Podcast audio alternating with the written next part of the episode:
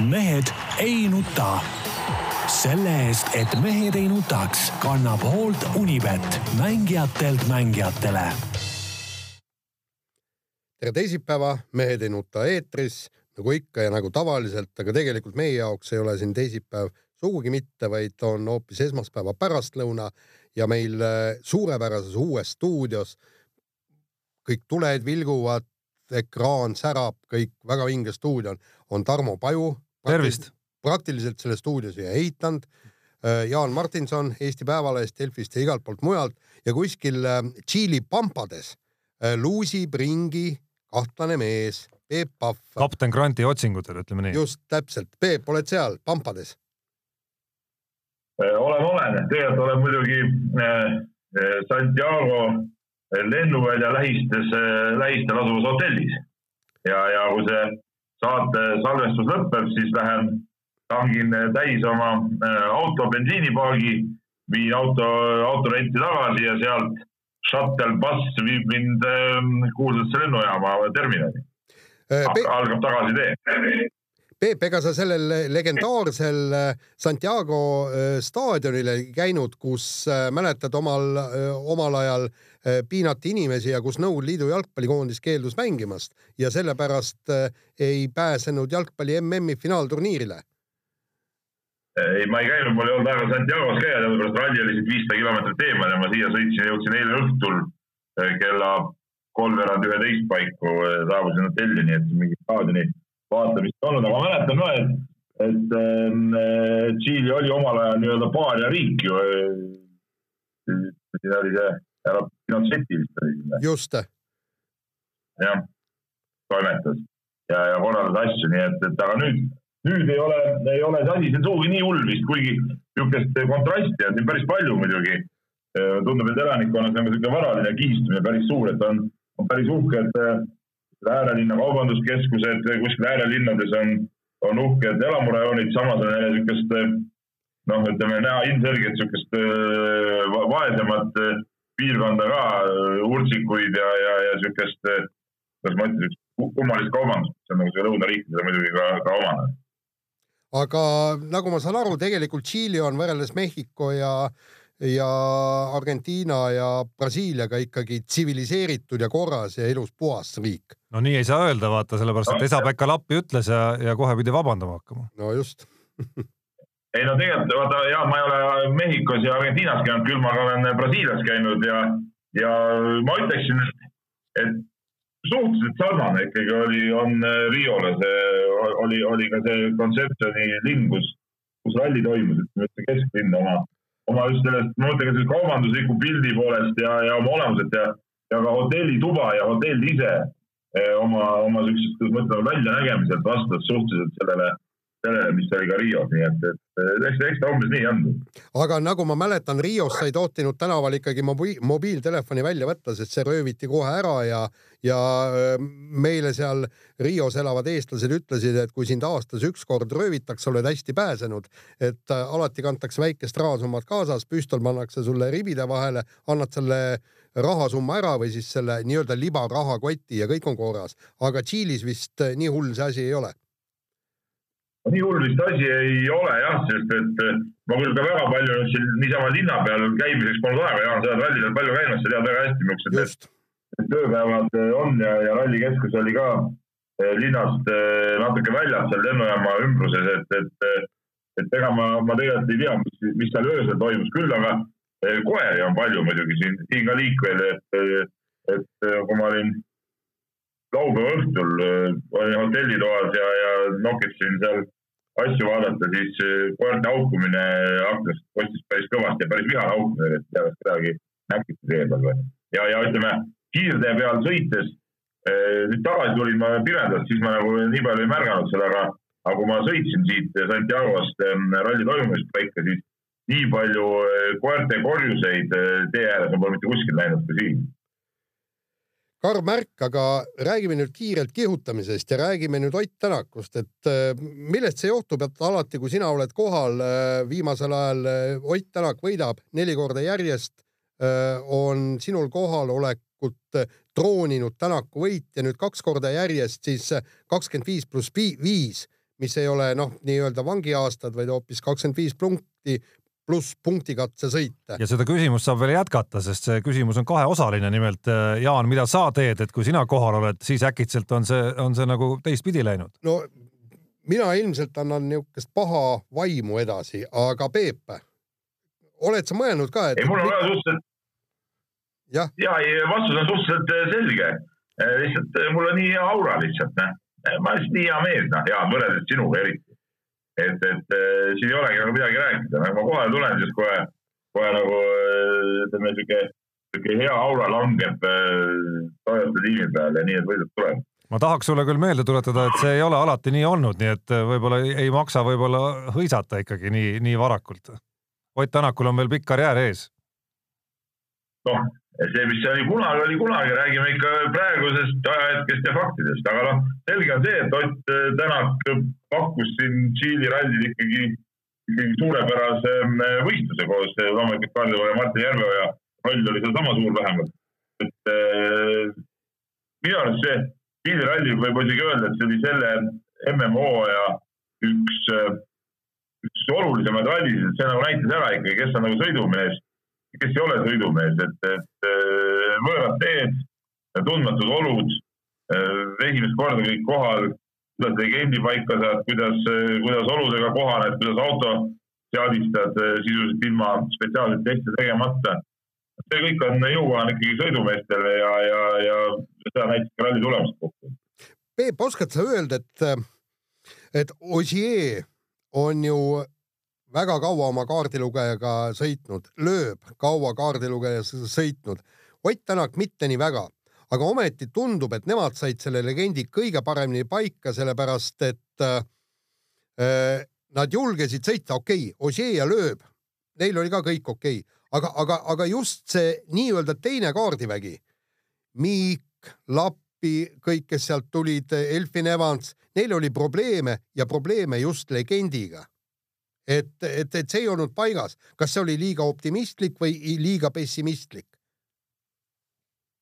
noh, äh, me ei saa siin ütleme jah, ütleme äh, löövi praegult äh, tuua sellesse punti, jah, ta on oma kaardiga koos kaasa sõitnud, samas ei maksa unustada, et ta pole Hyundai WRC autoga mitte kunagi puuderallit varem sõitnud, et tal puudus ju see sisuliselt igasugune teadmine, kuidas, kuidas see masin nendes oludes käitub ja kuidas seda asja paika panna, et, et et see tema kolmas koht on ikkagi tõeline lihtsalt nagu taseme näitaja, et, et praktiliselt püha koha pealt tuldi ja, ja võeti see ära ja millist kiirust seal seejuures näitama hakati, et kui kiirelt see tegelikult ralli jooksul kohanes eh, selle kõigega, mis, eh, mis siin nagu on. aga mis nagu puudutab jah, eh, minu arust see ralli näitas ka ära, et Andres Mikkelsen seal, Teemu Sunninen, Esa-Pekka Lappi, noh. ma ütlen nii, et varsti tuleb üks teine Soome poiss seal Kalle Rompera ja, ja kellegi ta sealt välja vahetab, sest noh, see seltskond ikkagi no ei, see on vaid selle, nad ei ole ikkagi nii tasemel sõitjad, kui, kui see WRC sari võib-olla isegi nagu eeldas. Eh, Peep, eh, meil noor reporter Madis Kalvet tegi väga huvitava loo Delfis täna, kui ta võttis kokku kõik Ott Tänaku kaheksa rallivõitu ja üllatus-üllatus, kõik need kaheksa rallivõitu on tulnud ülikindlalt kus äh, Tänak on domineerinud sisuliselt laupäeva kas hommikust või lõunast saadik, võib-olla veel varem, aga ühelgi korral ei ole viimasel päeval olnud vähimatki võitlust. Ott Tänak sõidab nii-öelda safe mode, turvaliselt, punktikatselt võtab, ei võta neid punkte, aga, aga ta on domineerinud kõiki seda kaheksat rallit. no asja, asja point ongi ju selles, et eh, kui auto peab vastu, siis, äh, siis Tänak äh, üldjuhul võidab, kui autoga mitte mingisugust probleemi ei ole.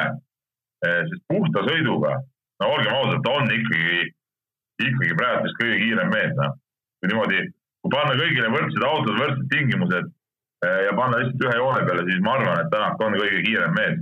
paraku autorallis see alati kõik nii lihtsalt ei, ei suju, et, et kõige kiirem mees alati võidab ja, ja tuleb ka maailmameistriks, seda näitas eelmine hooaeg, kus ta oli, samamoodi ju noh, ütleme, kui tehnika kestis, siis ta oli kõige kiirem mees, no selle, selle vastu on, on väga raske vaielda. ja, ja sama asi tundub olevat ka see aasta, et eh, Rootsis kõik õnnestus äh, ideaalselt, ütleme, autoga ei olnud probleeme kohe vahe sisse ja turvaline hoidmine, sama asi siin, kohe vahe sisse, turvaline hoidmine. et eh, see on natuke parimate päevade Ožee käekiri tegelikult, et, et kus tal ka piisas ühest kahest kiiruskatsest tihtipeale, et saada vahe sisse ja ülejäänud aeg oli lihtsalt sihuke, et me kontrollimine ja hoidmine, et ei peagi nagu hulluks minema. noh, täpselt nii oli see ju seegi kord, eks kaks kiiruskatset äh, reede pärastlõunal. Äh, selline ajalooline moment toimus kusjuures vahepõikena, et mees, kes kümme aastat tagasi Mehed ei nuta algusaegadel oli kuulus lause poolest, keda need põrinad huvitavad, tegi siis nädalavahetusel meie ralli podcast'i jõulude sunnil. Aga selle jaoks arvutasin kokku ka lühidalt, et kuusteist sekundit siis Ožeelt ja kakskümmend viis sekundit Neville'ilt selle kahe katsega ja sellega oligi ralli otsustatud. absoluutselt nii oligi jah need olid ikkagi, äh, ikkagi väga hästi õnnestunud katsed, kuigi ma eile ta käest küsisin, et kuule, ütle ausalt, et kas need olid nagu ideaalsed, äh, ideaalsed katsed, et ta ütles, et ei olnud ideaalsed, noh, aga no ma ei tea, mis, mis see ideaal siis on, et see, see jääb natuke segaseks praegu Tänaku, Tänaku seisukohast.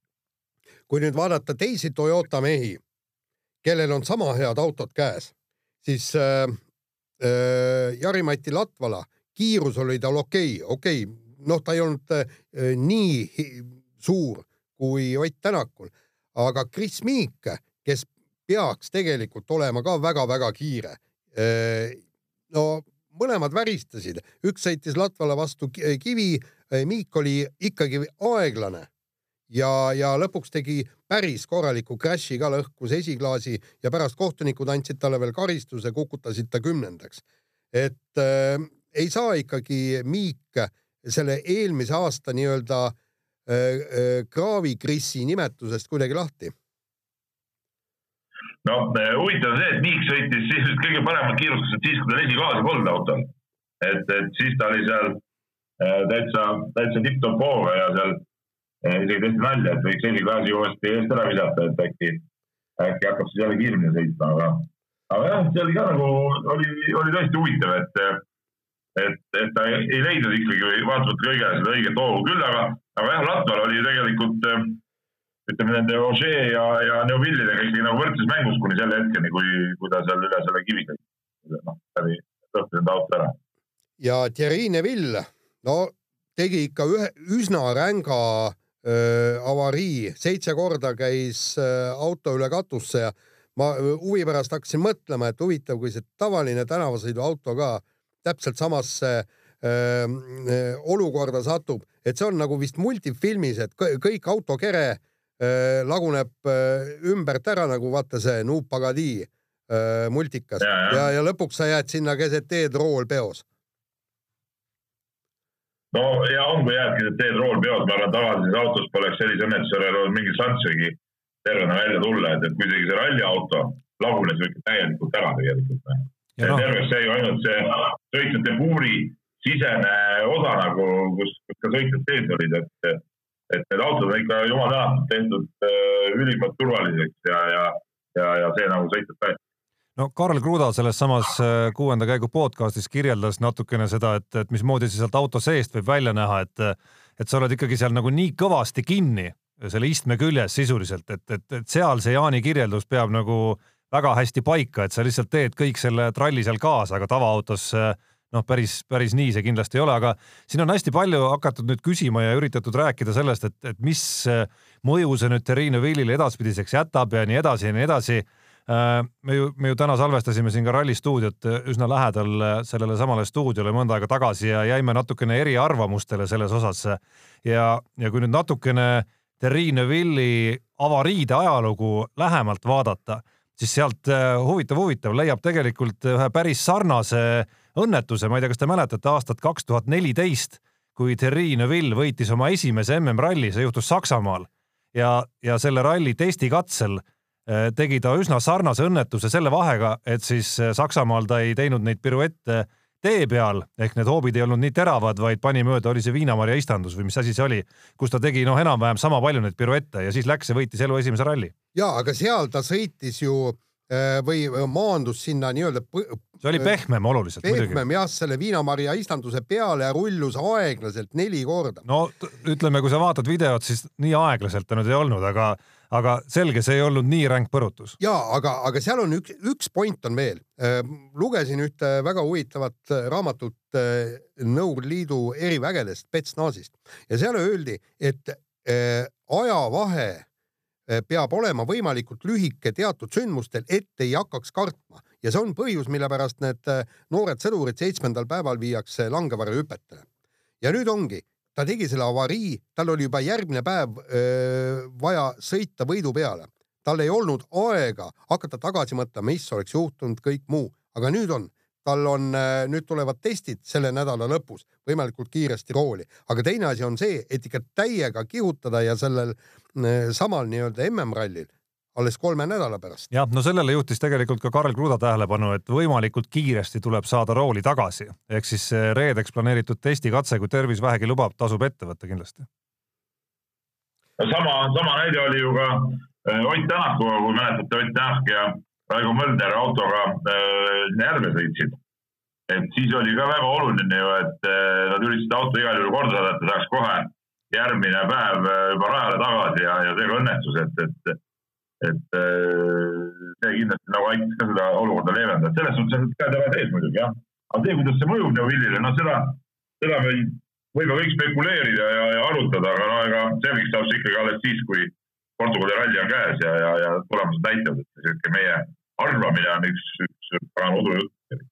Peep, üks maksimaalne ralli on praegusel all äh, Ott Tänakul ja nüüd tuleb neli mammutrallit järjest, kolm Kruudal pluss Kruusal pluss äh, Saksamaa ralli. Äh, kas viis rallivõitu järjest või? aga lähme sealt veel edasi, peale seda tuleb Türgi, kus ta eelmine aasta võitis ehk kuus järjest või?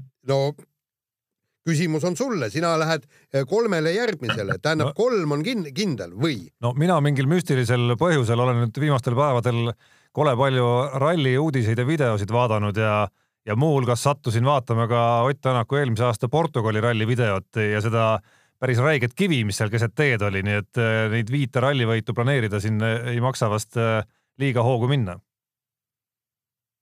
no võtab rahulikult jah, ma arvan ka, et, et tõmbaks nagu suure maha, et praegu see MM-seis on ka ju selline, et, et kõik kolm meest, noh, kes seal ees on viimased aastad olnud, on praegu ju kümnekonna punkti või noh, seal enam-vähem kümne punkti juures, et, et midagi ei juhtu, kui siin nüüd mõni võit tulemata jääb, et keegi kuskil pikalt eest ära ja vaevalt läheb ka.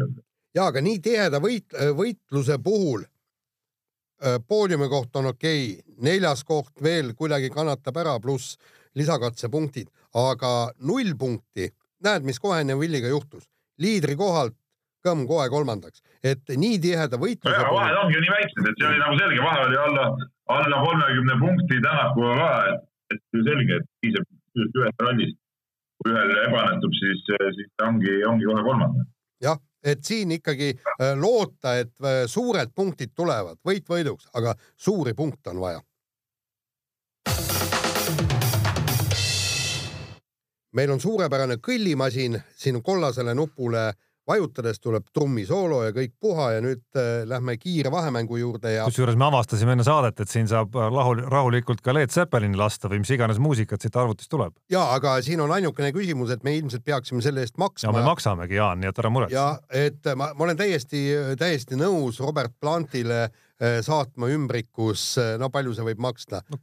paarkümmend senti. vähem no ta on väärt kahtekümmend senti, panna raha ümbrikusse, saata Robert Plantile. nii, aga räägime nüüd teisest staarist ja Andrus äh, Värnikust. tuli äh, hea uudis, et äh, mees on viinakuradiga tõsiselt võitlema hakanud ja võitlus käib nõnda, et ta üritab kas nüüd suurde sporti tagasi tulla, iseküsimus, aga igal juhul ta on kick-poksija, käib kõvasti trennis ja selle asemel, et pudelit kuugata, peksab poksikotti ja, ja muud ei ole öelda, et hurraa, sellepärast et me elame ju kõik Andrus Värnikule kõvasti kaasa. muidugi elame kaasa ja, ja see on suurepärane uudis, kui mees viinakuradiga eh, võitleb, et eh, samas noh, eks neid uudiseid on, on ju varem tulnud, et, laseme nüüd mehel võib-olla natuke rahulikult tegeleda ja olla ja, ja ja tegelikult on vaja ikkagi sellist nagu pikemat perioodi, et sellest asjast välja tulla, et see, kui sa siin kuu või kaks või kolmgi tegeled mingi asjaga, et, et elu on näidanud, et sellest tegelikult ei piisa, et, et las nüüd aeg läheb, las mees rahulikult tegutseb ja, ja mida vähem ta saab sihukest võib-olla ka üldist tähelepanu sellel teemal, seda, seda parem talle võib-olla kergem selle asjaga tegeleda ja, ja aga, aga teine asi on ka see, et, et selge see, et, et see kick-poks ei saa kesta elu lõpuni, et äh, kas tema ise või tema sõbrad või keegi, nad peaksid ikkagi leidma nagu järgmise asja. no selge on see, et see kick-poks ei ole ka elukutse. no just see ei ole, et, et peaks ikkagi leidma nagu öeldakse, et ühte sõltuvust ravitakse teise sõltuvusega et kui, kui leiduks tal tõesti, no hakaku linnuvaataja. ei no sõltuvuse või... mõttes on kick-poks väga okei okay, no.. ei, ongi, aga ma mõtlen, et kui see kick, kick-poks ühel hetkel otsa saab, et siis hakaku kasvõi linde vaatlema või, või mingu metsa jäneseid püüdma või, aga no. tehku seda fanaatiliselt. no selles mõttes nii-öelda nagu äh, sõltuvusena ei pea see ju mitukümmend aastat otsa saama veel. ja seda küll. aga vahetame teemat ja Sildarude tiim on saanud siis uue liikme ja kui nüüd keegi ootab, et seal selleks liikmeks on, ma ei tea, kes maailmakuulus füsioterapeut või kes iganes, siis ei. asi on tegelikult lihtsam, see uus liige on siis äh, pereema, pereema, kellel nimeks on Lilian ja kes äh, võetakse nüüd ka edaspidi ikka nendele suurtele trippidele kaasa. esmased ülesanded on siis söögi tegemine, koolitöödega laste aitamine ja sotsiaalmeediasse postituste tegemine no äh, tegelikult oli sellest ju varem juba ammu juttu, et see ema tuleb sinna tiimi ja, ja ta pidi ju tulema tegelikult juba, juba äh, olümpiamängude ajaks vist või ma õieti mäletan, aga, aga, aga siis oli ju Kellil see vigastus ja, ja kogu see eh, tiimi töö ja see kõik, need tuurid tõmmati maha, et, et nüüd, nüüd on vist nagu uus, uus katse ja eks see loogiline on, no mis, mis pereelus ikka niimoodi on, kui, kui isa ja mõlemad lapsed reisivad kogu aeg ringi, ema üksi on on äh, Eestis siin, et kui niisugune peretiim juba on, et siis on loogiline, et kõik, äh, kogu perekond on sinna ka kaasatud. ja no teine asi on see, et, et pere ei saa Tõnis, no tema koormus oli küll, noh, minu jaoks oli täiesti hämmastav, eks. ta oli treener, suuskademäärija, videote tegija, oli võistlustel esindaja, kes käis seal kohtunike ja, ja võistluskomiteede juures, siis ta oli bussijuht, siis ta oli kokk, siis ta oli tont teab mis on ju, siis koolitöid aitas teha.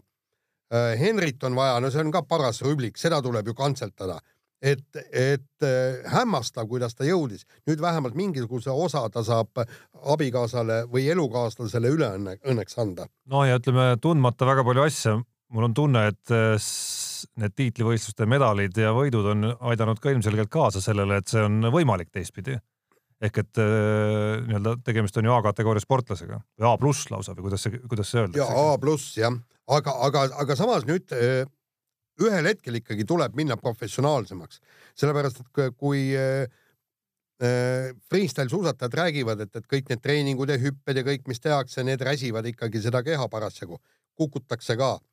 peab olema korralik füsioterapeut. ja, ja seda. absoluutselt.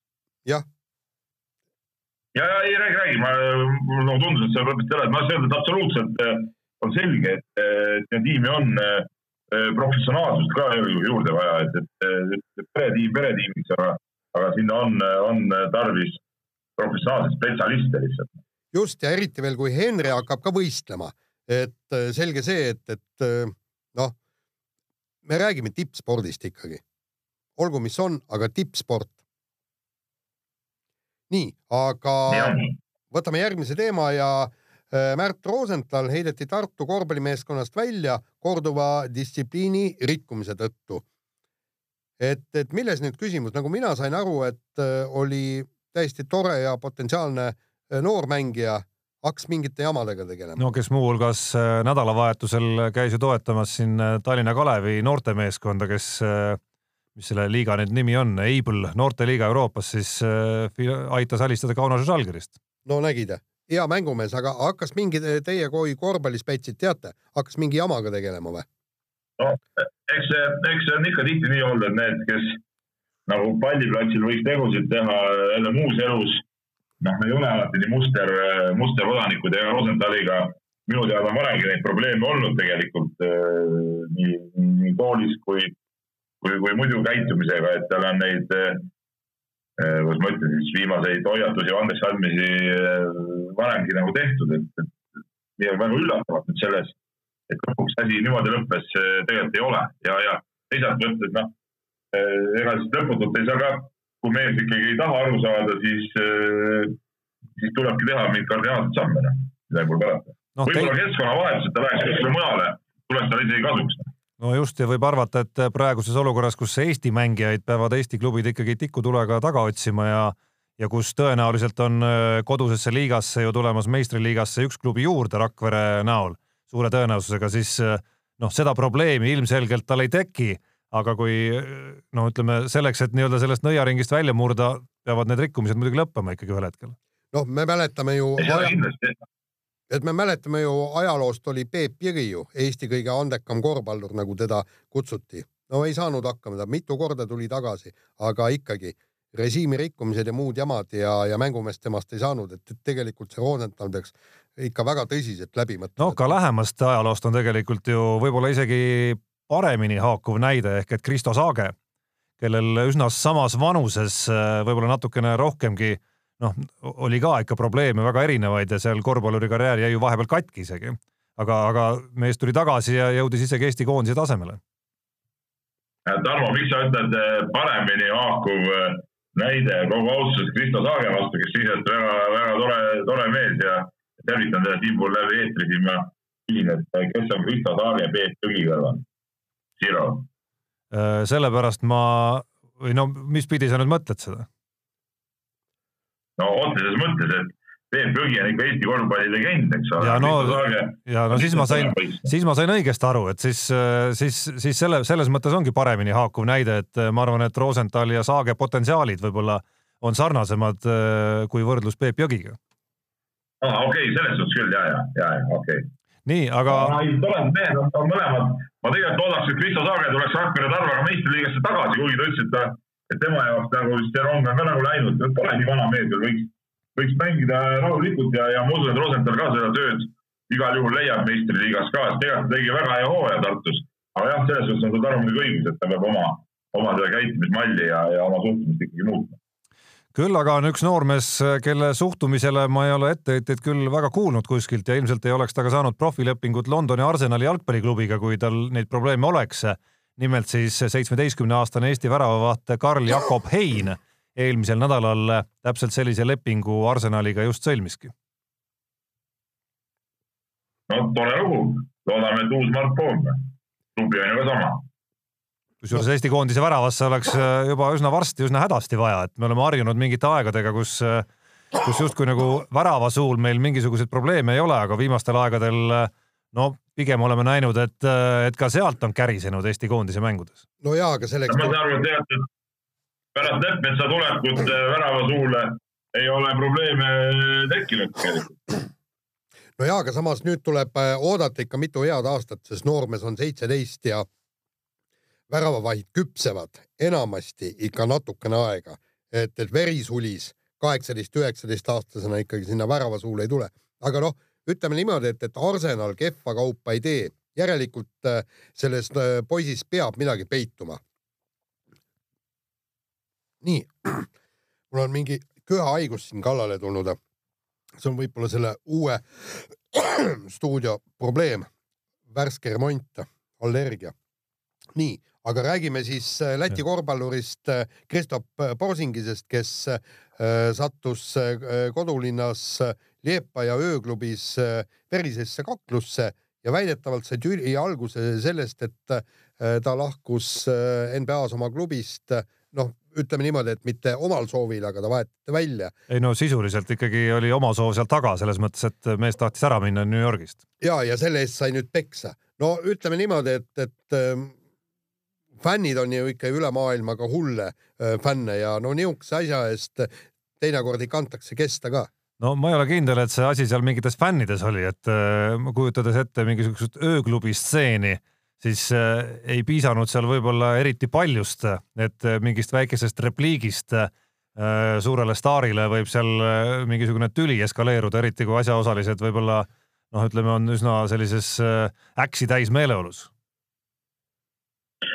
Eks ta ole, ööklubis võib mängijast välja saada, see on, see on, see on nagu selgemast selgem, aga, aga no ma tahaks näha, kindlad mehed olid, kes üldse Borsingisuguse ikkagi suure, suure poisiga üldse tüli norivad, et ütleme, selleks, et tema lõuani ulatuda, peab tegema päris korraliku hüppe ja samas, samas on oht jälle sealt ülevalt alla saada nagu päris, päris suur, nii et eh, päris ütleme julged vennad pidid olema.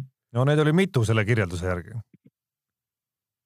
Jah, aga minu jaoks on see võõras uudis, ma ei ole, ma ei ole siin olles otse jõudnud seda uudist isegi näha, et ma, ma seda praegu siin seda teemat nägin, ma ei oska nagu midagi muud tarka selle peale küll ütelda jah, aga, aga siit tuleb jälle järjekordne tõdemus, et et kui sa lähed äh, teatud kohta veel öösel ja veel alkoholi tarvitamise juurde, siis ära imesta, kui üle kurgi saad. absoluutselt ja, ja pisut nagu ärevaks tegev see uudis nagu teistpidi nagu päris spordi mõttes oli, et äh, Kristaps Porzingis teadupärast äh, mängijana on ikkagi väga pikalt platsil eemal olnud ja, ja selle vigastusperioodi jooksul sinna sisse jäi ka see nii-öelda klubivahetuse nõudmine ikkagi.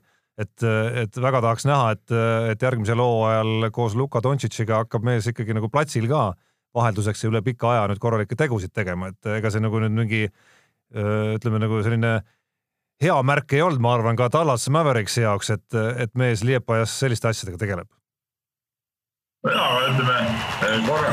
Unibetis saab tasuta vaadata aastas enam kui viiekümne tuhande mängu otseülekannet. seda isegi mobiilis ja tahvelarvutis. Unibet, mängijatelt mängijatele. Nonii, Peep, tõmbasime su äh, lihtsalt julmalt maha. nii hakkabki olema. eelmise teema lõpetuseks, ma tahaks eelmise teema lõpetuseks ütelda, et ega nüüd eh, ütleme Eh, puhkeperioodil eh, ööklubis muusika nautimine ja, ja tantsusammude tegemine nii kuritegu ka ei ole muidugi. mine siis Eesti Rahvatantsupeole, seal on ka naudid muusikat ja teed ka tantsusamme, aga seal on väik-, väiksem. ja, aga seal on väiksem võimalus peksa saada nii, aga me jätkame saadet ja jätkame seda oma Unibeti ennustusrubriigiga, meie toetaja Äh, on siis püsti pannud äh, meile väikese võistluse, auhind äh, on igati üll, üllas ehk, ehk siis heategevaks eesmärgiks annetab selle mängu meievaheline võitja võidusumma või siis, kui see jääb alla viiesaja euro, siis viissada eurot. ja vahepeal siin Jaan on raporteerinud oma suurtest edusammudest, nimelt on ta jõudnud tagasi plussi, nii et tema saldo on tõusnud üle saja euro. ja, ja kusjuures kõvasti üle saja, sada kaheksa eurot oli aga võrreldes, kui vahepeal oli kuuskümmend, siis ma olen tõesti nagu asjaga hakanud äh, nagu sõbraks saama. mingi rong on tulemas tagant. Jah, ei no aga seal oli ju niivõrd lihtsad valikud, seal ei olnudki, et äh, Lewis Hamiltoni võidu peale panna, Ott Tänaku võidu peale panna, siis see mingisugune mehed ei nuta ennustus, seal oli veel miskit läks täppi, nii et, et see ei olnud probleem, aga nüüd ma panin täna ka jääoki mm on, panin sinna paar ennustust ja ja, ja ma loodan, et, et varsti hakkab see viissada eurot juba väga-väga lähedale tulema. no mehed Inuta panusega õnnestus äh, endalgi oma kontot natukene kasvatada, sinna väga palju kahjuks panna ei saanud või siis Unibeti õnneks. ehk siis äh, hetkel olen Jaanist veel ees saja neljakümne kahe euro ja üheksakümne sendiga. Peep, kuidas sinul lood? ma olen kuskil Jaaniga tasa, ma täpselt summat ei tea, aga natuke üle saja on mul. aga ka uueks nädalaks on äh, on Unibeti keskkonnas siis Unibeti pakkumiste all äh, mehed ei nuta eripanus olemas ja see panus puudutab siis Eesti korvpalli meistriliiga algavat finaalseeriat ja tänase ja järgmise saate vahepeal jõutakse seal ära mängida kaks kohtumist. Ja oleme siis kokku pannud sellise panuse, kus saab ennustada, kes viskab kahe mängu peale kokku rohkem punkte, kas siis BC Kalev Cramo, korvialune staar ja VTB liiga äh, hooaja väärtuslikuma mängija kandidaat isegi ehk siis Arnet Multri või siis äh, üks äh, värvikas keskmängija teiselt poolt, Michael Kyr Buchanan. ja Unibet on arvanud, et Multri on selles duellis ikkagi selge soosik, üks koma kolmkümmend viis on tema koefitsient ja Buchanani, kes ma usun, on üks, üks Peebu lemmikmängijaid kindlasti, tema koefitsient siis kolm koma null. Miks ta peaks minu lemmikmängija olema, aga imelik oleks, kui koefitsiendid oleks teistsugused. no mingit samastumistunnet äkki sa leiad temaga, sellepärast äkki? No ma tunnistan ausalt, eh, Eesti korvpalli meistrivõistluse finaalseeria, eh, no ma ei tea, kas see nüüd on üldse, üldse mingi teema seal kevadel, et, et ma ei, noh, siin võib ju panuseid panna, aga kokkuvõttes see, see ei ole nagu, nagu eriti põletav temaatika. no ma usun, et selle. ma usun, et selle panuse osas ja ma usun, et selle panuse osas on äh, väga määrav tegelikult see, et kui tasavägised need mängud saavad olema, et sellest äh, võib sõltuda päris palju mõlema mängija mänguaeg ikkagi. no kõik sõltub sellest, kui palju Kalev viitsib pingutada, noh, et nad, kuidas nad selle võidu ära võtavad.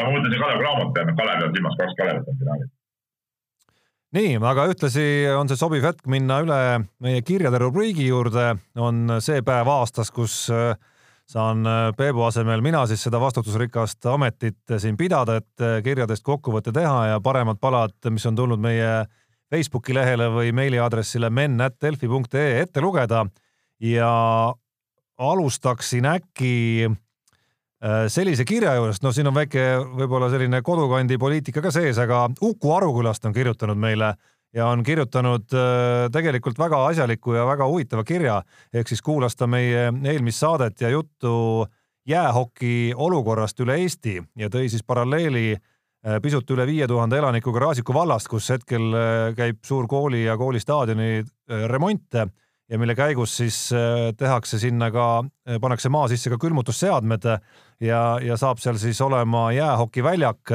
hetkeseisuga siis äh, selline, kus ikkagi talvekuudel saab mängida ja, ja potentsiaaliga siis panna sinna katus peale.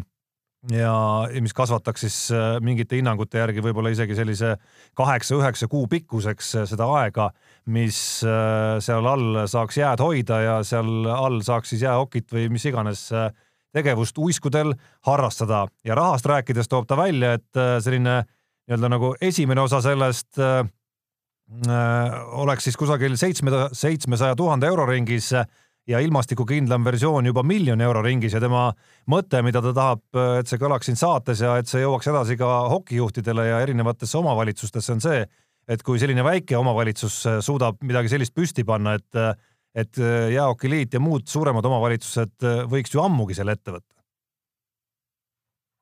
no muidugi võiks ja, ja, ja, ja, ja peakski võtma, et see, see summa, summad, millest siin praegu rääkisid, millest kirjasaatja meile kirjutas, ei ole ju nüüd midagi üle mõistuse suured, noh, et need ei võiks kokku saada ja, ja ausalt öeldes see on igati, igati positiivselt tervitatav, et, te seal oma külas niisugust asja ette võtate, et noh, ma arvan, et see on nagu eeskujuks kõigile.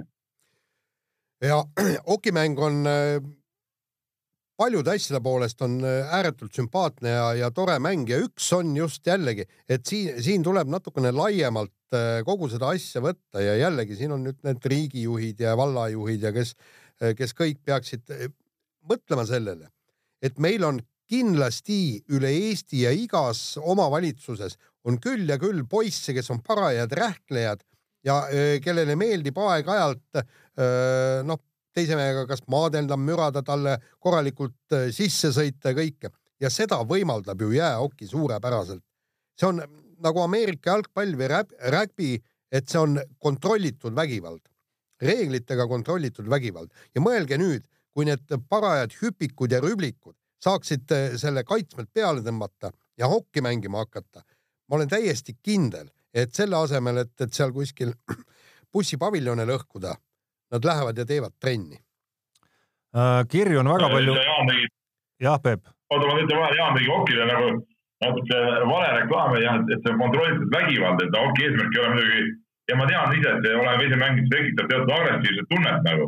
Oki eesmärk ei ole muidugi olla nagu vägivald, vaid äh, Oki on ikka eelkõige eh, visuaalselt nauditavat vaatepilti pakub, pakub mäng, ma pakun välja, et isegi kuigi ma olen suur korvpalliinimene, pakun välja, et hoki on tegelikult kõige paeluvam sportmäng üldse, mida ma tean. ja seda küll, aga, aga, aga just nendele vendadele, kes saavad oma täiega seal ennast ära väsitada ja teinekord ka mõnuga öö, vastase sinna board'isse kinni sõita. Neid poisse on kindlasti, kes naudivad seda. suur tänu sellest ajast, kui me ise ka mängisime. mäletan seda, et kui sai meil harrastajate liigas ka väga ei, ei äh, olnud lubatud isegi pooli sõitjaid teadupärast, aga kui sai ikka kellegi sinna kinni enam-vähem sõita või midagi sarnase liigutusega teha, siis see tekitas äh, täiesti äh, suurepärase tunde. Küll, aga ma, mul tuli endal sama asi meelde, kusjuures, aga see tuli meelde nagu teises kontekstis, et kui Jaan sellest agressiivsusest rääkis, siis Jaani ma küll ei mäleta kedagi seal oma agressiivsust välja elamas. ei, aga ma ei ole, ma ei ole see mees, aga, aga ma tean, et, et on olemas neid vendasid, kes hea meelega, ei ma, ma lihtsalt räägin, et, et see on, see on see, mille pärast äh, Ameerikas ja Inglismaal on just need äh, nii-öelda kontrollitud vägivaldsed mängud ehk siis Ameerika jalgpall ja rägbi äh, populaarsed ja mida ääretult sooritab, soositakse noorte hulgas nii, aga mõned kirjad veel, meie vana kirjasaatja, üks ajaloolisemaid ja legendaarsemaid, Eno on meile kirjutanud ja kirjutas ta meile siis pärast eelmist saadet seda, et et kuulas seda saadet legendaarne treener David Platt ja saatis Enole selle kuulamise järel sõnumi, milles palus siis mulle edastada täpsustuse, et ta ei läinud Cleveland Cavaliersi Lebron Jamesi treeneriks, vaid et kõigepealt sõlmis lepingu Cavaliersiga siis tema ja seejärel tegi Lebron James siis oma selle nii-öelda koju tuleku.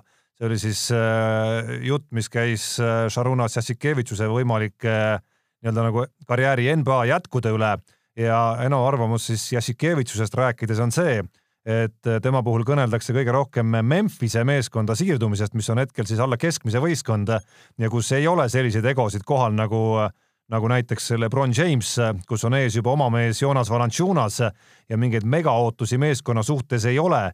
Ja, ja juhib ta tähelepanu siis äh, ka sellele, et, et ka NBA-s on ka sellised väga domineerivad treenerid ka hakkama saanud ajaloos, nagu näiteks Phil Jackson, kes suutis Kobe Shaqi ja, ja ka Michael Jordani kõrval ennast kehtestada, nii et ta soovitab meil Peebuga ikkagi mitte väga põdeda Jassikevitšuse võimaliku hakkamasaamise üle NBA-s ja lisaks juhib tähelepanu, et me siin jumaldame oma totakat Euroliigat, aga õige korvpall on tema sõnul ikkagi lombi taga. no Enole palju tervisi, aga olen äh, vaadanud, äh, noh nüüd siin olles, Tšiilis olles mitte, aga kodus äh, siiski natuke ka NBA neid play-off'e ja midagi pole öelda. euroliiga on ikkagi magusam ja, ja, ja võita oma totakat NBA-d edasi vaadata, õige korvpall on ikkagi Euroliiga. no kusjuures siin ma isegi vaidlen vastu, et äh, play-off'i korvpall, Peep, NBA-s on ikkagi nagu väga, ka meie jaoks väga vaadatav korvpall, midagi ei ole öelda. no ma olen vaadanud, aga ütleme, äh, jääb kaugeks midagi, võib-olla selles viga, et, jääb natuke kaugeks lihtsalt NBA mäng ja, ja, ja siin Euroliiga on kõik oma ja, ja, ja vägev ja, ja noh, tead kõiki mängijaid risti ja põiki ja, ja see ilmselt annab palju rohkem juurde kiire repliik, äh, see on küll jätkuks meie saate alguse jutule. Janno soovitab Peep ära kunagi Jaani enam rallile saada, õiged mehed kohal ja makspunktid kohe taskus. ja kui vaja, siis võite hoopis euronoor Tarmoga katsetada no miks mitte, mina olen sellega täiesti nõus äh, ja siis on jutuks. see oleks juba, see oleks nagu ralli rüvetamine, ütleme niimoodi. no näed, rallisaade sai juba tehtud nädalavahetusel, kaks tükki lausa, nii et ei ole siin midagi aga, aga kirjade rubriigi lõpuks. ma loodan, et neid rohkem ei tule äh, kirjade rubriigi lõpuks äh, ühe teema toon veel sisse, sest sellel teemal on kaks kirja meile tulnud. Äh, me räägime saate lõpus korvpallist veel pikemalt, aga see puudutab siis BC Kalev Cramo VTB liiga veerandfinaali ja sinna jõudmist. ja esiteks tuleb väikene selline üllatus ja hüüe Hanneselt, kes läks Kalevi spordihalli, nägi, et pilet mängule kaasa Unixiga oli kakskümmend eurot ja jooksis kohe minema sealt. küsib, kas eestlane on rikas või tema vaene ja pikema kirja on saatnud Marko, kellele jäi siis kõrva meie eelmises saates kõlanud jutt sellest, miks see mäng on Kalevi spordihallis, mitte Saku Suurhallis. juhib ta tähelepanu sellele, et Saku Suurhallis viimaste Kalevi mängude vaatajanumbrid olid kõik sellises noh, sellises suuruses, et kõik see rahva hulk tuhat kolmsada või tuhat kakssada mahub ikkagi Saku Suurhalli ära vabandust, Kalev Alli ära ehk et äh, Saku Suurhallis samal ajal jätab see sellise oluliselt kõledama mulje. ehk siis, äh, ehk siis nagu küsib, milles see asi seal olla võiks ja, ja juhib tähelepanu, et, et, et tegelikult ei olegi võib-olla mõtet äh, sinna Saku Suurhalli minna, kuigi ma pean tunnistama, Marko, et ma jään ikkagi nagu eriarvamusele, et juba sellest hetkest, kus sa paned selle mängu sinna Kalevi Alli, garanteerid sa ikkagi ära, et sinna ei tule mitte mingil juhul rohkem inimesi Äh, et, et, et kuidagimoodi oleks pidanud vähemalt nagu võimaluse andma sellele, et see furoor läheb nagu kõvemaks. võib-olla ma nagu jooksen peaga vastu seina ja see oleks lootusetu olnud, aga, aga, aga nii harukordne võimalus, kui see ka oli, minu arust oleks võinud proovida. kui seal ei olnud mingeid muid, kui seal ei olnud mingeid muid põhjusi, miks suur hall näiteks kinni oli? ma olen äh, selles suhtes kirjasaatega nõus, et tegelikult see äh, Kalevi VTB liiga mängud ikkagi ei tekitanud äh, eestlastes niisugust asiotaaži ja ei tekitanud ka kogu see seeria mingit asiotaaži, et, et kaua oodati seda sinna pääsu. tore oli, et sinna said, aga ütleme, et mingit võnget oma Eesti korvpalliringkondades ja ausalt öeldes ka iseenda hinges kahjuks ei tundnud mis oli suurem probleem ja see, selle juurde jõuab Marko oma kirja teises pooles, on see, et kuhu nüüd edasi, et selle eelarve, eelarvega, mis Kalevil oli, et justkui noh, ükskord jõuti ära VTB liiga play-off'i, aga, aga, aga mis nüüd edasi? ja kui ma nüüd mänge vaatasin, siis natuke mul jäi see tunne, et, et ka võib-olla meeskonna jaoks oligi sama tunne, et okei okay,, jõudsime ära ja, ja tohutu pingelangus ja, ja nagu me saate lõpus räägime, siis võib-olla see pingelangus ongi kaasa toonud ka mingid muud probleemid äh, meeskonna sees et mis asi see siis olema peaks, mis, mis ikkagi nagu erutaks rohkem seda publikut, et kas oleks see ikkagi nagu eurosarjas mängimine ka, millele mina toetaks muidugi kaasa kahe käega. Jah, aga selge on see, et kui mängida eurosarja ja, ja VTV liigat, siis võib-olla peaks Eesti liigast, mitte peaks, et ilmselt tulekski loobuda, näiteks kolme liigat ei tohigi mängida. teiseks, see võib-olla annakski uue hoo sellele, see on palju kolmeringkondades räägitud mõte, et äh, tuleks see lätlastega koos pusimine ikkagi nagu pooleli jätta ja, ja muuta Eesti liiga hoopis niisuguse kümne-kaheteist võistkonnaga liigaks ja Kalev tõi välja, et see võiks olla päris huvitav liiga. noh, siin on variante on palju, ma ei ütle, et üks, üks või teine mõte on halb tegelikult.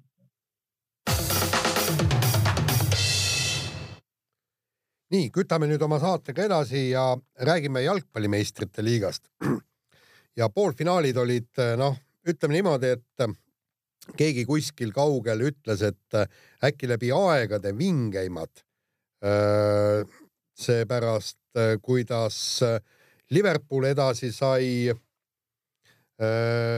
noh, tulla ikkagi, ikkagi välja null kolme pealt ja lüüa sääraseid väravaid ja veel kellele, eks Messi vaesekene lihtsalt löntsis mööda väljakut ringi ja ei saanud üldse aru, mis seal ümberringi toimub. ja, ja muidugi ka teine mäng oli võrratu, kuigi ma lootsin väga, et Amsterdami ajaks jõuab finaali, aga, aga Tottenham tuli ka ju null kolme pealt tuli välja ja, ja sisuliselt viimase puutevärav mängu viimasel sekundil. no kas paremat etendust saab üldse olla? vot siin me räägime Kalevi mäng kakskümmend eurot palju siis selle mängu eest tuleks maksta? no ütleme oluliselt odavamalt, oluliselt odavamalt saab äh, nende kanalite vaatamisõiguse kätte, kust neid mänge Eestis sai näha.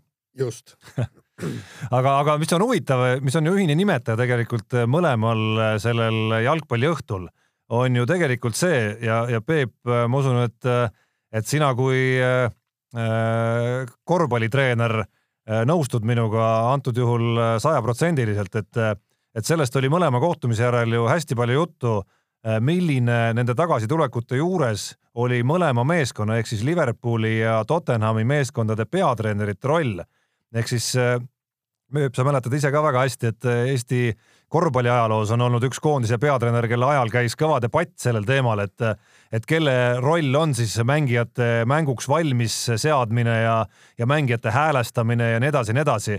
oli meil treener, kes äh, pigem arvas, et see on mängijate enda vastutus. nüüd me näeme nagu kõige kõrgemal profispordi, ütleme siis nagu jäämäe selle kõige kõrgemas tipus ikkagi, mille, mida kahtlemata jalgpalli meistrite liiga poolfinaalid äh, on, näeme ikkagi treenereid, kelle see oskus motiveerida meeskonda väga keerulistes seisudes oli just see, mis need meeskonnad äh, aitas ikkagi nagu täita täiesti ilmvõimatuna tunduvaid ülesandeid. ja kusjuures see motiveerimine, kõik see oli ju täiesti teadlik ja kindel protsess, kui selle nädala jooksul ei öeldud nega-, negatiivset sõnagi, kõik, kuidas võeti see mäng üksipulgi lahti ja jõuti nende detailideni, millest äh, tõesti isegi noh, tavavaatajad kindlasti ei saa aru, aga võib-olla isegi jalgpallikomentaatorid ei saa aru, et süstemaatiliselt valmistati ette ette võitma äh, mängu null kolm kaotusseisust.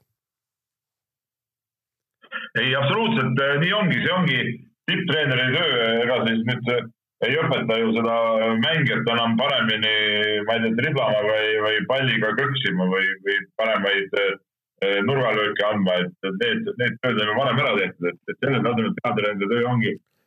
punkt üks on taktika, punkt kaks on, on, on siis see meeskonna psühholoogiline ettevalmistus ja hääletamine, kumb neist number üks, kumb number kaks on, et see on nagu, seda saab nii ja naapidi vaadata.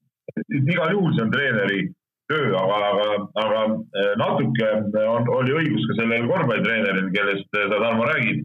Eh, et, et ka mängijad ise peavad olema valmis eh, ennast häälestama ja olema valmis ka seda treeneri häälestust vastu võtma. et kui lihtsalt mängija mängija ise nagu mitte midagi selleks ei tee, et, et see häälestus temani jõuaks, no siis ka nagu mingit tulemust ei tule. et, et, et anname, anname ikka au nendele mängumeestele ka, kes, kes kogu selle, kogu selle asja nagu ikka lõppkokkuvõttes platsi peal ellu viisid ja, ja ära tegid. ja aga see, millele ma, see, millele ma jäin mõttesse, kui ma eile näiteks kuulasin meie enda siis jalgpalli podcast'i Futboliiti, äh, oli see, et, et see, kas mängijad kuulavad treenerit sellises olukorras või, või kas see, mida treener räägib, kas see omab nagu mõju ja annab efekti, et see tuleneb ka tegelikult ju päris palju sellest, millised on selle treeneri isikuomadused, milline on tema, ma ei tea, staatus isegi seal meeskonnas, suhe mängijatega, kõik, kõik need jutud, sest ma olen kindel, et Barcelona meeskonna riietusruumides ja meeskonna koosolekutel rõhutati ja kindlasti ka ajaksi riietusruumis poolajal rõhutati üle et mitte midagi ei ole veel tehtud, me peame olema valmis, kõiki neid, kõiki neid nagu kohustuslikke mõtteid, aga näed, ei töötanud. No ega me ei tea, mis ütleme ajaksi, eriti veel ajaksi võtta, meeskond võtta. noored vennad, paljud ütleme vähe kogemust.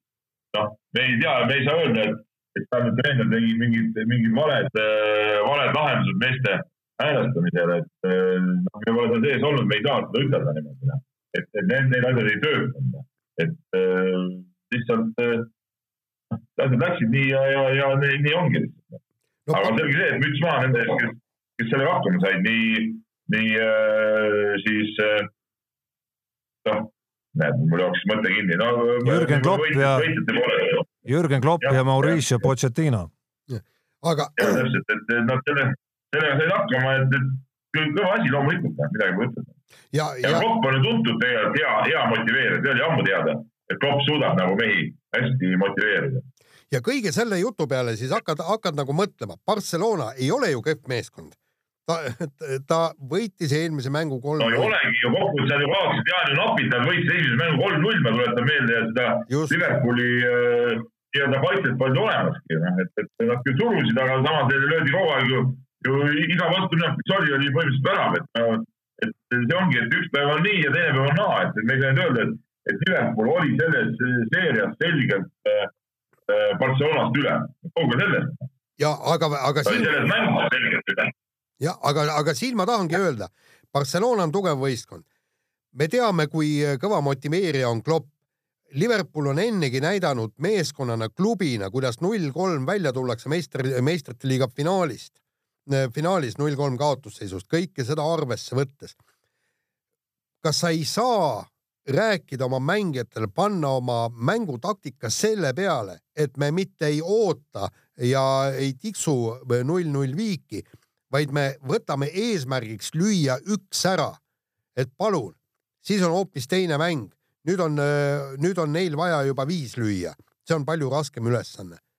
aga, aga kas, kas seda ei tehtud või seda ei suudetud väljakul ellu viia no,? ma olen suhteliselt kindel, et, et see, et see tegelikult see eesmärk oli seal, aga seda ei suudetud lihtsalt ellu viia. ja aga, aga kui sa mängu vaatad, siis seal ei olnud ikkagi. no seal oli, seal seal päästis ikka Liverpooli väravavaht ka, olgem ausad, olukorda päris mitu korda. päästis küll, aga sellist indu äh, nagu Liverpoolil äh, Barcelona poolt ei paistnud.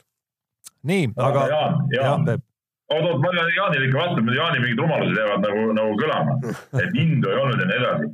ega see ind või, või, või innukuse väljapaistmine sõltub paljuski sellest, kuidas vastasvõistkond mängib ja kui sa jääd seal ikkagi surve alla, eh, siis sulle tundubki, et sa võib-olla ei mängi innukalt, et see, kas, kas seal eh, mehed tegid platsil eh, nüüd kõvasti tööd või mitte, et seda, seda nagu see visuaalne pilt alati tegelikult ei näita nii, aga nüüd vahetame teemat ja Jüri Vips, meie vormel kolm piloot sarja hooaja avaetapil Barcelonas näitas, et on sõidumees, vähemalt nii on kirjutanud siia teemade lehele ette Jaan Martinson, kuhu olen täiendanud mina küsimusega seda rida või kas ikka näitas?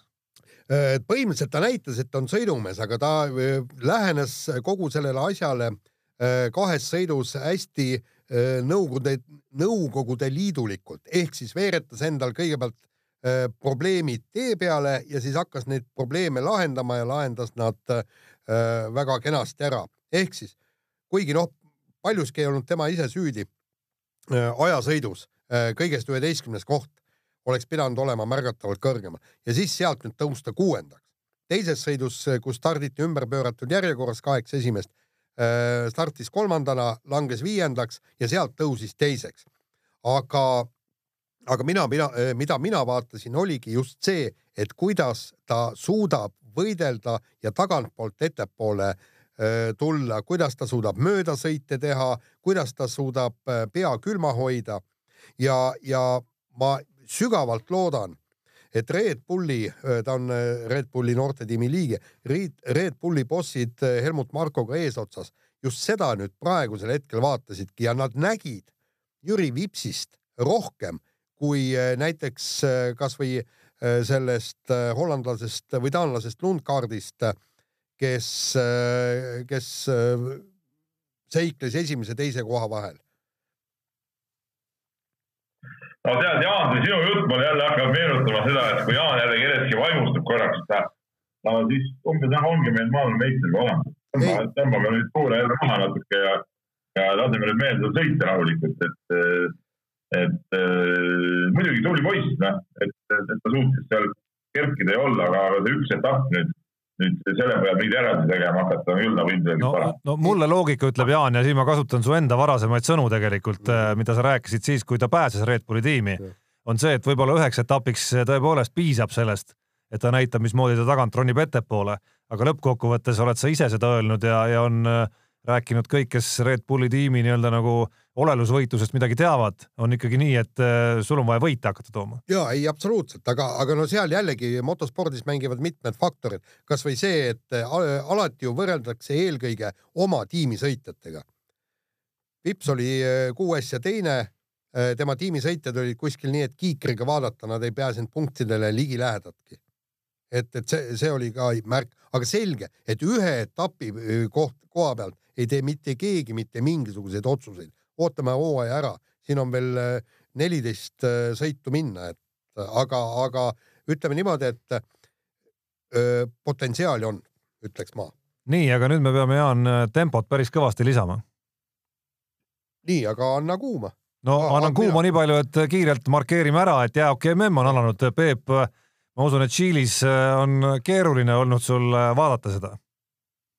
ei ole keeruline olnud ma olen tegelikult näinud päris palju hokit, kuna rahvusvahelise hokiliidu koduleht kannab kõiki mänge otse üle, siis ma olen ütleme töö kõrvalt ikkagi poole silmaga, kuna hoki on mu arm, nagu sa tead ka, eks ole. ma olen ikkagi vaadanud, neid vaadanud, olen vaadanud Läti mänge äh,, mitte muidugi ühtegi mängu algusest lõpuni, aga natuke olen näinud äh,. ja, ja olen vaadanud äh, siin oli Tšehhi, Rootsi oli, oli kõva mäng, eks ole, et noh, siin oli, on, on need lahingud olnud ja loomulikult ma olen näinud ära ka Ilja Kovatšuki äh, selle MM-i seni ainsa värava, mis ta teeb. no tegelikult see, mida meie siin tahtsime ära markeerida. jah, on hoopis, hoopis üks teine mees, kellel vanust vaid kaheksateist aastat ja kes tuleb meie põhjanaabrite juurest. jah, äh, Kaape Kakko, äh, soomlane, kes on visanud Soome seitsmest väravast viis ja ne, mitte mingite patserite vastu, vaid on Kanada ja Slovakkia vastu visanud. aga samas ma Peep, sa ju tead ka väga hästi ja Tarmo, et see, mis esimestes mängudes toimub, see lõppkokkuvõttes ei jaga mitte ühtegi medalit ega midagi. et vaatame, mis siit edasi saab, aga tundub, et venelased on tugevad. ja, ja tundub, et tšehhid on tugevad. täna nüüd praegu, praegu nad peaksid kohe-kohe vastamisi minema. Soome läheb kohe USA-ga vastu. Kanada väristas Soome vastu. see ei tähenda veel mitte kui midagi. aga saate. aga saate lõpetuseks äh, räägime natukene ka korvpallist äh, ja räägime kahe nurga alt. esiteks äh, kodusest korvpallist, kus omamoodi ajalooline sündmus ju toimus tegelikult, kui Pärnu korvpallimeeskond, mis kaks aastat tagasi, meenutame, oli väga lähedal, et üldse pillid kotti panna ja meistriliiga tasemelt lahkuda, jõudis pronksmedalini. Peep, kas esimene sinu mängija sai Eesti täiskasvanute medali korvpalluritest, keda sa oled ikkagi algusest lõpuni üles kasvatanud? nojah, ma ei taha öelda, et see medal on nüüd minu teenitud, et see on ikkagi Pärnu, Pärnu medal ja, ja, ja Norman Rüütel ülisuurt rolli seal muidugi ei, ei mänginud veel noore mehena. aga noh, et ta oli terves protsessis terve hooaja sees, mul on nagu väga hea meel selle üle. hea meel selle üle, et ta sai viimased finaalmängud platsile ja pani sisse kolmes, et, et aga tervikuna jah, ütleme noor mees tuli kunagi, meie trenni tuli natuke hiljem kui, kui teised kutid.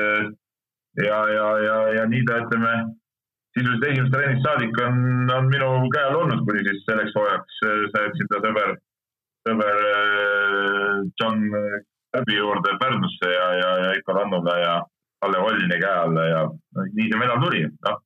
ei saa salata, et mul endal ka hinges veel natuke uhke tunne jah, ja noh, teistpidi need nimed, keda sa mainisid seal äh, alustades äh, Johan Kärbist, väärivad ikkagi võib-olla selle medali puhul nagu kõige suuremat äh, tunnustust, et sellisest üsna surnud punktist kahe aastaga Pärnu medalini viia on tegelikult ju väga kõva sõna ikkagi. no ma tunnen kodanik Kärpi ka nii kaua, kui ma olen seda oma treeneritööd teinud.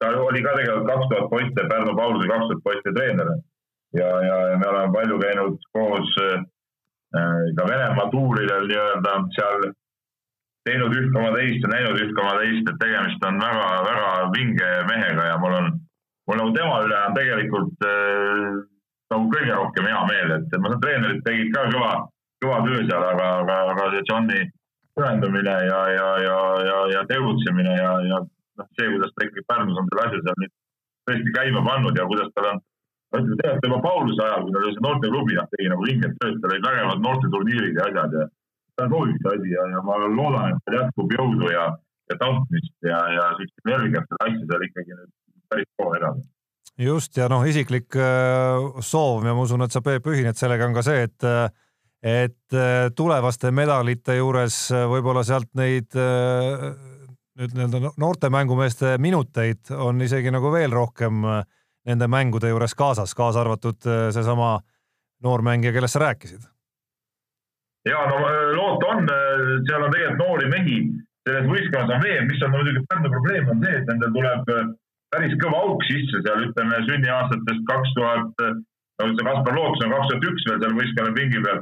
sealt allapoole nüüd kolm-neli aastat neil sisuliselt mitte midagi ei tule, et, et seal no uued noored on alles päris väikesed, kes peale katsumuseks midagi see periood tuleb üle elada ja kuidas see üle elada, ma arvan, see ongi lisaks raha hankimisele ongi just see äh, klubi juhtide jaoks äh, kõige suurem väljakutse, aga, aga ma loodan, et saab hakkama sellega. aga saate päris lõpetuseks. ma võin veel mängida saata teinekord, kui vaja on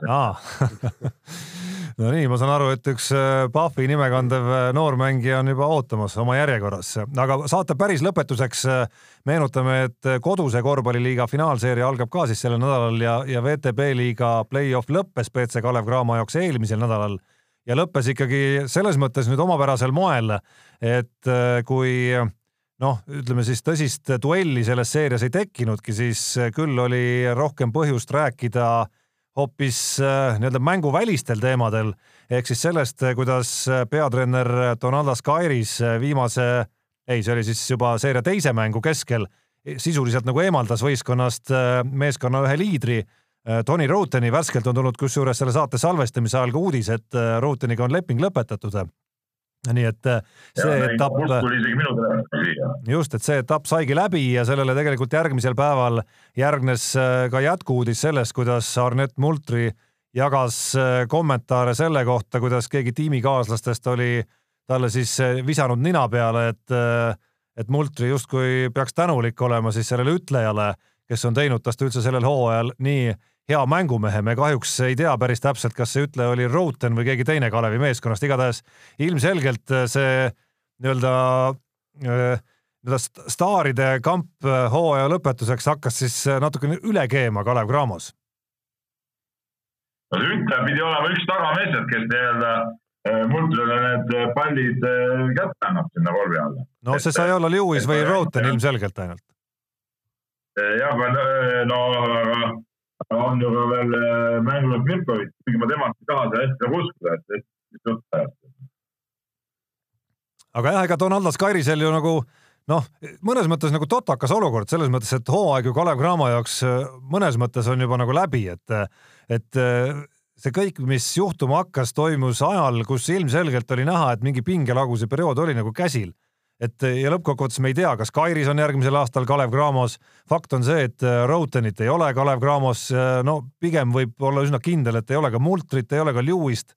et sa võid neid nii-öelda distsipliini liigutusi seal teha, aga käesoleva hooaja kontekstis eeldades ikkagi, et koduse liiga finaalseerias ei tohiks Kalevil mingeid probleeme olla, siis, siis see kõik ei omagi nagu justkui mingit tähendust no ega ta ei omagi mingit suurt tähendust, aga teisalt treener peab ikka ka säilitama oma näo just nagu võistkonna ees ja, ja, ja, ja, ja ei saa lubada sellist asja, et üks mees eh, niimoodi hakkab nagu, kuidas ma ütlen, realiseerima või, või, või teeb, mis tahab, et, selles suhtes ma eh,, kuigi ma ei tea täpselt detaile, mis seal täpselt juhtus, siis ma igal juhul toetan eh, Kairise seda sammu, et, et ei ole nii, et mingi mees kujutab ette, et ta võib teha, mis tahab, öelda, mis tahab, olla nagu tahab, et et meeskond on ikkagi põhiline ja, ja ma arvan, et see kõik on tehtud meeskonna huvides, et, et ma lugesin ka ühte kirja, kus ta vist tahtma seda ette ei lugenud või ei jõudnud ette lugeda, aga seal oli küsitud, et kes oli ka õige samm, et sellega veeti nagu all ülejäänud võistkonda ja fänne ja nii edasi, et, et vastupidi, et sellega,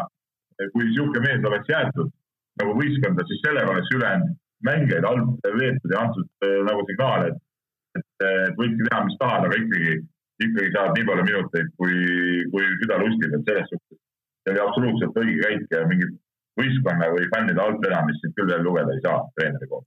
jah, et võib-olla oli see isegi vajalik samm, et äh, kindlustada see, et see finaalseeria Kaleviga, teise Kaleviga ei läheks eriti põnevaks. jaa, absoluutselt jah. aga nüüd on küll aeg, Jaan, see asi kokku tõmmata. ja tõmbame kokku ja loodame, et äh, Peep pääseb äh, Tšiili pampadest kenasti koju ja järgmine kord oleme me kõik siinsamas koos suurepärases eetris. mehed ei nuta. saate tõi sinuni Unibet, mängijatelt mängijatele